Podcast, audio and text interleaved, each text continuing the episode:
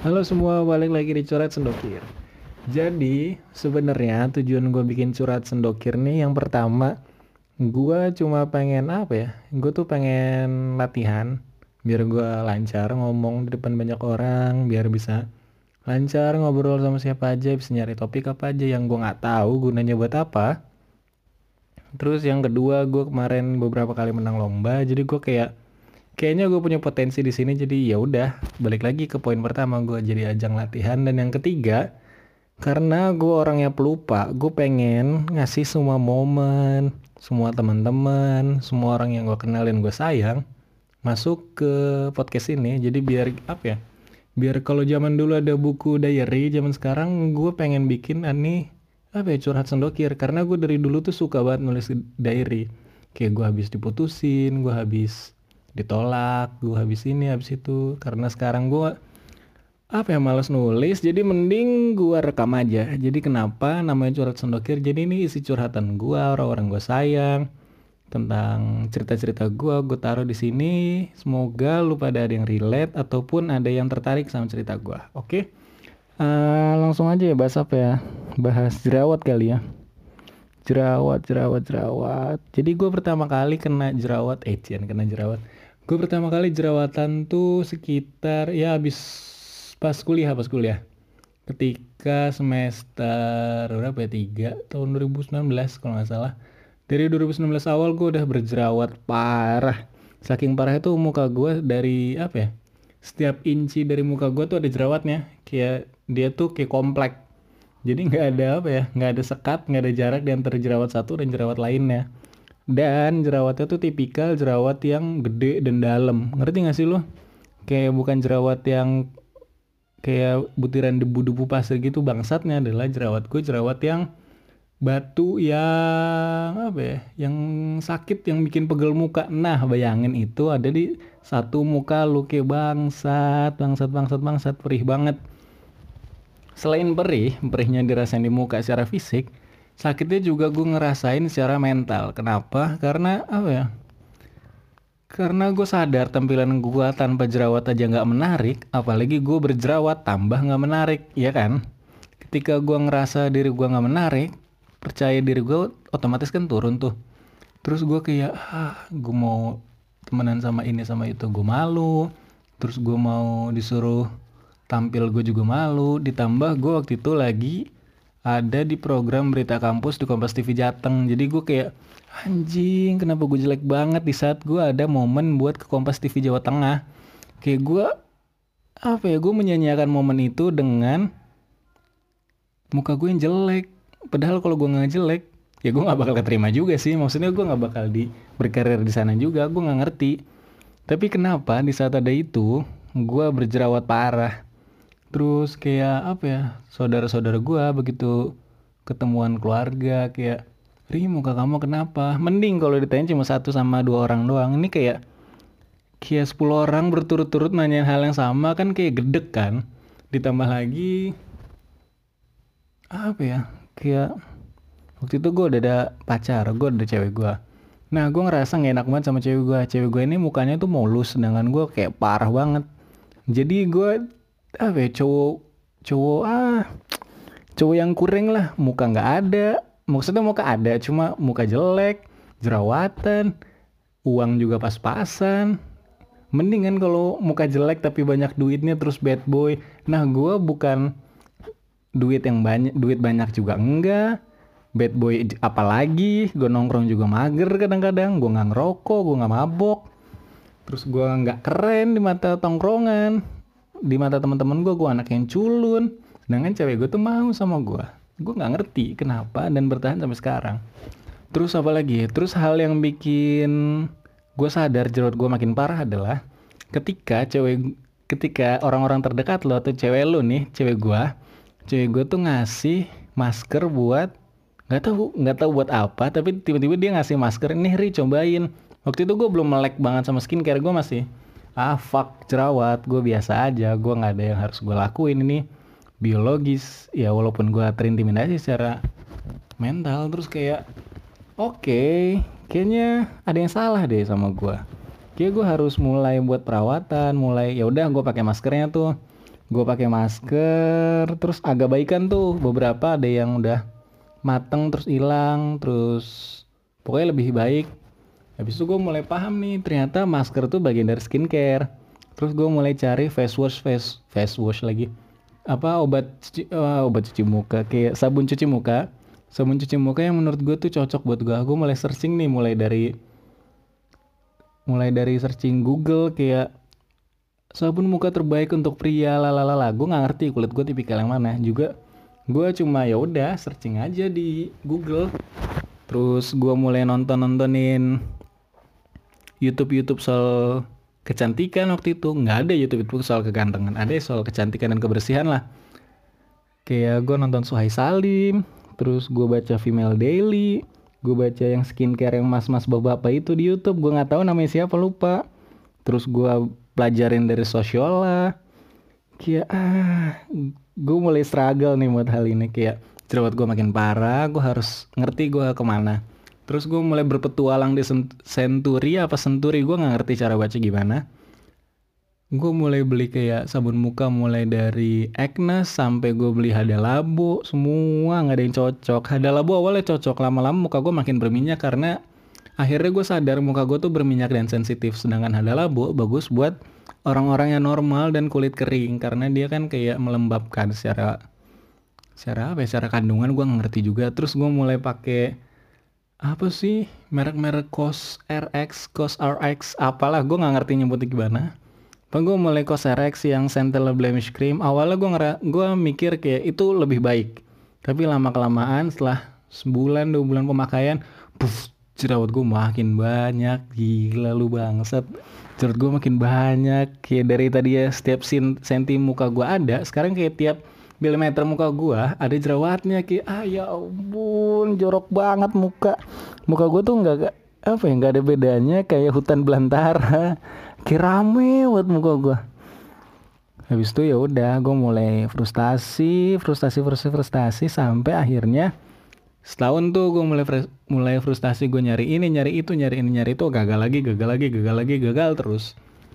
Akhirnya gue konsultasi lah ke ibu gue bu ini gimana ya jerawat tahu nggak kelar kelar ya udah coba dokter aja coba dokter waktu itu gue nyoba di Semarang ada tuh namanya dokter Joko atau dokter siapa Aku dokter kulit yang terkenal kata dokter Joko atau siapa.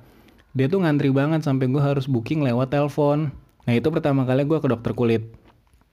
Gue ke sana, terus ternyata nyampe dokter Joko itu udah full banget antrian. Dia tuh di tempatnya tuh di daerah Ungaran. Gue tuh tinggalnya di daerah Tembalang. Jadi kayak Ungaran tuh masih ke arah atas gitu loh kalau lu di Semarang. Gue ke klinik apa ya klinik kulitnya si dokter ini dokter Joko kalau salah terus gue ngantri lah seperti biasa seperti halnya gue di dokter gue ngantri segala macem terus ya udah kayak gue dipanggil habis dipanggil kan gue deg-degan kan gue nggak tahu nih kayak gimana harus berperilaku di mana gue cowok sendiri gitu loh di ruangan itu. Yang lain cewek-cewek semua. Gue ya udah cewek gue nemenin cewek gue ngata-ngatain gue hayu lu hayu lu hayu lu. Kayak anjing lah lu bangsat. Lu nggak tahu apa gue deg-degan segala macem. Akhirnya gue dipanggil sama dokternya suruh masuk ke bilik gitu ke salah satu bilik. Gue masuk ke biliknya terus ya udah malah jerawat gue di facial dipencet-pencet semua. Kayak muka gue satu muka gue nih kayak dipencet semua dan dikeluar-keluarin gitu loh jerawatnya kayak cutus cutus cutus cutus gue ngerasain anjing perih banget muka gue bangsat. Kayak gue nggak tahu ini bener atau salah tapi muka gue dibuka-bukain gitu loh kayak pori-porinya. Mana gue ke sana naik motor? Kayak gue takut ketika apa ya ketika habis facial muka gue bolong muka gue yang udah dikeluar-keluarin itu ntar ketutup masuk sama debu-debu di jalan. Gue nggak ngerti kan habis itu ya udah habis dipencet-pencetin semua muka gue berdarah dong satu muka. Terus gue dikasih obat segala macem sama dokternya sama bidannya. Ya udah deh gue balik gue balik gue balik gue balik gue pakai sesuai anjuran dokter semua segala macam sampai akhirnya selang dua minggu muka gue semakin parah. Jerawat gue yang tadinya jarang-jarang sekarang jadi ngumpul jadi satu yang gede-gede banget tau gak lo? Kayak mereka tuh ber apa ya bersekutu gitu loh ngelawan obat dokter gue kayak fuck fuck fuck fuck fuck. Ternyata ke dokter nggak menyelesaikan masalah. Akhirnya gue tanya lagi balik lagi ke rumah gue balik lagi ke ibu gue bu ini kok aku makin parah ya? Terus kata ibu gue ya udah lepas aja krim dokter yang kemarin. Coba ke dokter klinik yang ibu yang ada kenalan ibu di sana. Oh iya bu iya tapi nanti ya pas lebaran. Mungkin. Kayak itu ibu gue ngumpulin duit segala macam kan gue makasih banget ke ibu gue udah membantu gue menangani jerawat-jerawat bangsat ini. Terus akhirnya ya udah datanglah waktu di masa lebaran. Pokoknya pas habis perawatan dokter itu kan justru gue makin gede tuh makin gak pede lah gue kayak anjing anjing anjing anjing. Mana lifestyle gue waktu itu parah banget. Gue nggak ngerti yang diet makanan yang harus gue jalanin. Gue nggak ngerti jenis kulit gue gimana. Gue nggak ngerti jam tidur gue harus kayak gimana gue nggak ngerti kebersihan yang gue lakuin tuh harus kayak gimana. Pokoknya gue ngerti semua ditambah gue nggak cocok sama semua skincare yang gue pakai. Buh pokoknya kacau deh itu kondisi muka. Akhirnya gue balik ke rumah pas puasa. Terus begitu selesai puasa lebaran selang beberapa hari baru gue ke klinik. Salah satu klinik yang ada di BSD lah namanya klinik estetika. Ya udahlah sebut aja. Lagi nggak ada yang denger juga. Gue ke klinik estetika gue ketemu dokter apa gue lupa. Terus dokternya kayak ya udah pede aja. Dia pakai sarung tangan. Terus pokoknya gue ditemenin ibu gue sekarang udah nggak ditemenin cewek gue karena ibu gue kan yang bayarin. Gue di apa ya disuruh duduk terus muka gue disenter-senterin terus muka gue dipegang walaupun dia pakai dipegang tapi dia pakai sarung tangan. Terus dijelasin oh ini masnya jerawatan ya? Ih kata gue ya lu lihat aja nyet. Ini jerawat. Masa ya ini meteor kan? Enggak apalagi ada taman ya meteor garden. Enggak dong. Enggak enggak enggak. Ini kan jerawat dok. Iya jerawat. Emang ngapain aja? Gue jelasin tuh lifestyle gue gini gini gini. Oh yaudah besok besok jangan begadang lagi yang pertama. Terus yang kedua jaga pola makan. Jangan kebanyakan makan goreng-gorengan. Jangan kebanyakan makan kacang sama telur. Telur nggak apa-apa deh kacang kalau nggak salah. Terus yaudah gua dikasih tahu kalau jenis kulit gue tuh udah sensitif dan berminyak jadi double tuh masalahnya. Jadi harus rajin-rajin dibersihin bantalnya juga seminggu dua minggu sekali harus diganti. Maksudnya sarung bantalnya spray kalau bisa tiga minggu sampai sebulan sekali diganti pokoknya semua harus bersih. Terus kalau bisa helm juga dicuci itu mungkin helm motor bisa jadi masalah buat jerawat apalagi yang di pipi kan. Kan helm tuh yang half face kan kayak nyampe pipi gitu kan. Terus kata dokternya oke okay, gue lakuin akhirnya ditawarin sama dokternya bu ini mau mikro apa ya mikro auto roller eh salah salah sorry sorry. Mau di auto roller nggak biar cepet masuk serumnya? Ibu gua kan kayak ya udah lakuin aja dok kalau menurut lu yang paling baik. Ya udah akhirnya gue ditaruh ke kasur. Bukan dia apain ya gue di baringin ya udah mas silahkan masuk. Masuk ke kasur ibu gue suruh tunggu di luar. Terus gue didatengin sama mbak mbak mbak mbak perawat gitu ya sekarang gue dikasih kasur yang kayak puskesmas gitu loh. Jadi bilik sendiri-sendiri. Ngerti kan maksud gue ada bilik ada tirai sendiri-sendiri satu kasurnya. Gue diolesin apa ya sama si perawatnya tuh kayak cairan dingin-dingin gitu pas gue tanya mbak ini apa ya? Oh masa nggak tahu ya? Enggak ini namanya anestesi lokal. Wow wow wow wow wow anestesi kan yang gue tahu itu bius bius mbak. Iya jadi muka mas bakalan kebas nantinya. Oh ya udah saya olesi nanti setengah jam kemudian masih diem aja di sini. Diemnya ya udah tiduran aja main game kayak ngapain kayak terserah. Terus ya udah aku tungguin gue tungguin dioles oles oles oles sampai 15 atau setengah jam gitu gue lupa. Sambil gue denger denger nih sayup sayup dari ada ibu-ibu atau mbak mbak gue nggak tahu umur berapa. Kan biliknya udah tertutup kan. Dia ngomel-ngomel dok tolongin muka saya ada jerawat satu biji. Saya takut ditinggalin suami saya. Kayak fuck man lu satu biji bu. Satu biji satu biji. Jerawat satu biji anjing bangsat. Lu jerawat satu biji gue jerawat satu muka. Lu ditinggalin suami gue ditinggalin apa? Kehidupan. Kan enggak.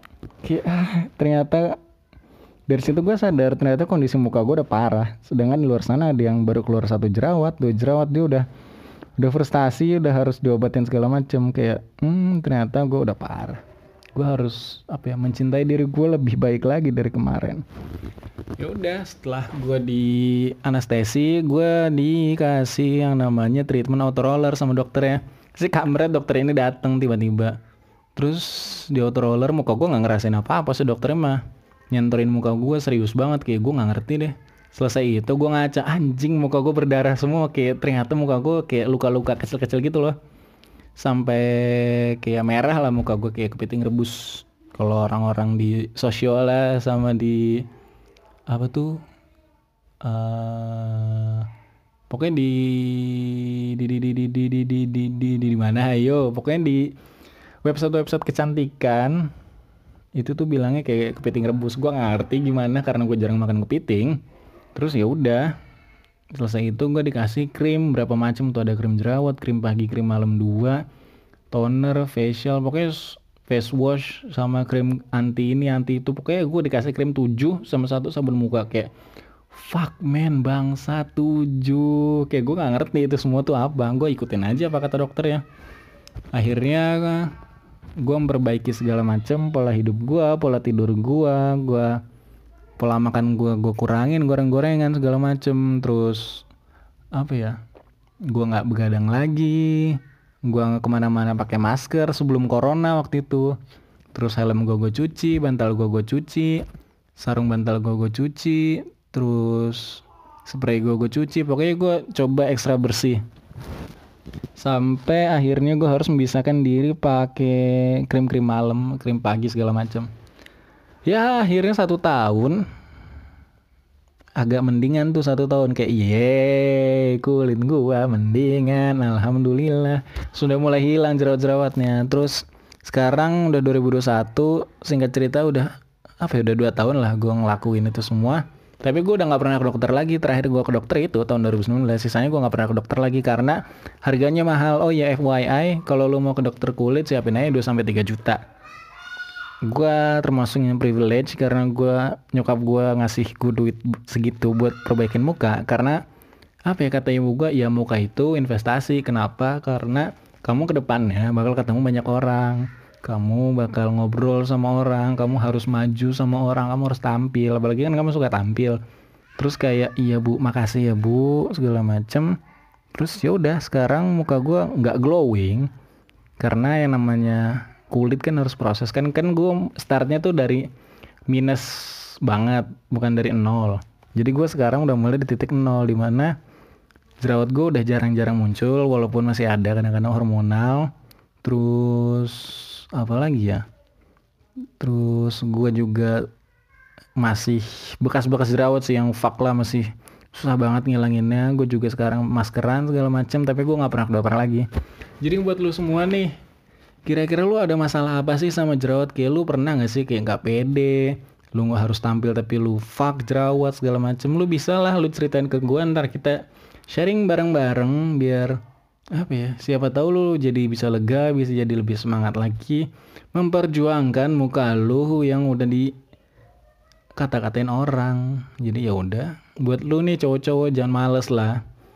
Jangan males buat skincarean karena lu apa ya karena yang gue benci dari cowok adalah dia tuh salah tapi dia tuh suka nyalahin orang lain. Ngerti nggak lo ngerti nggak sih maksud gue kayak mereka tuh sukanya mau deketin cewek cakep misalkan tapi mereka tiba-tiba bilang ah muka gue jelek tapi ntar cewek cewek dia mah nggak level sama gue ya lu tahu diri. Maksudnya kalau ceweknya cantik lu juga harus usaha biar lu setara at least atau lu bisa pede buat maju jadi skincare menurut gue adalah hal yang boleh dilakuin siapa aja. Bahkan harus lu lakuin mungkin. Mungkin gue salah mungkin gue bener gue nggak tahu. Gue nggak tahu nih kalau gue lepas dari klinik dokter ini gue bisa bertahan hidup dengan muka gue atau enggak jadi ya udah buat lu semua yang lagi berjuang melawan jerawat semangat semua. Buat lu yang ngata-ngatain orang bangsat lu semua. Fuck you fucking shit. Gara-gara lu semua gue harus keluar duit tapi gara-gara lu semua yang ngata-ngatain gue gue jadi tahu ternyata kulit gue ini butuhnya ini segala macam gue berterima kasih juga sama lu semua Terus buat lu yang mau cerita, ayo cerita aja sini. Terus apa lagi ya? Semangat deh buat lu semua. Dadah.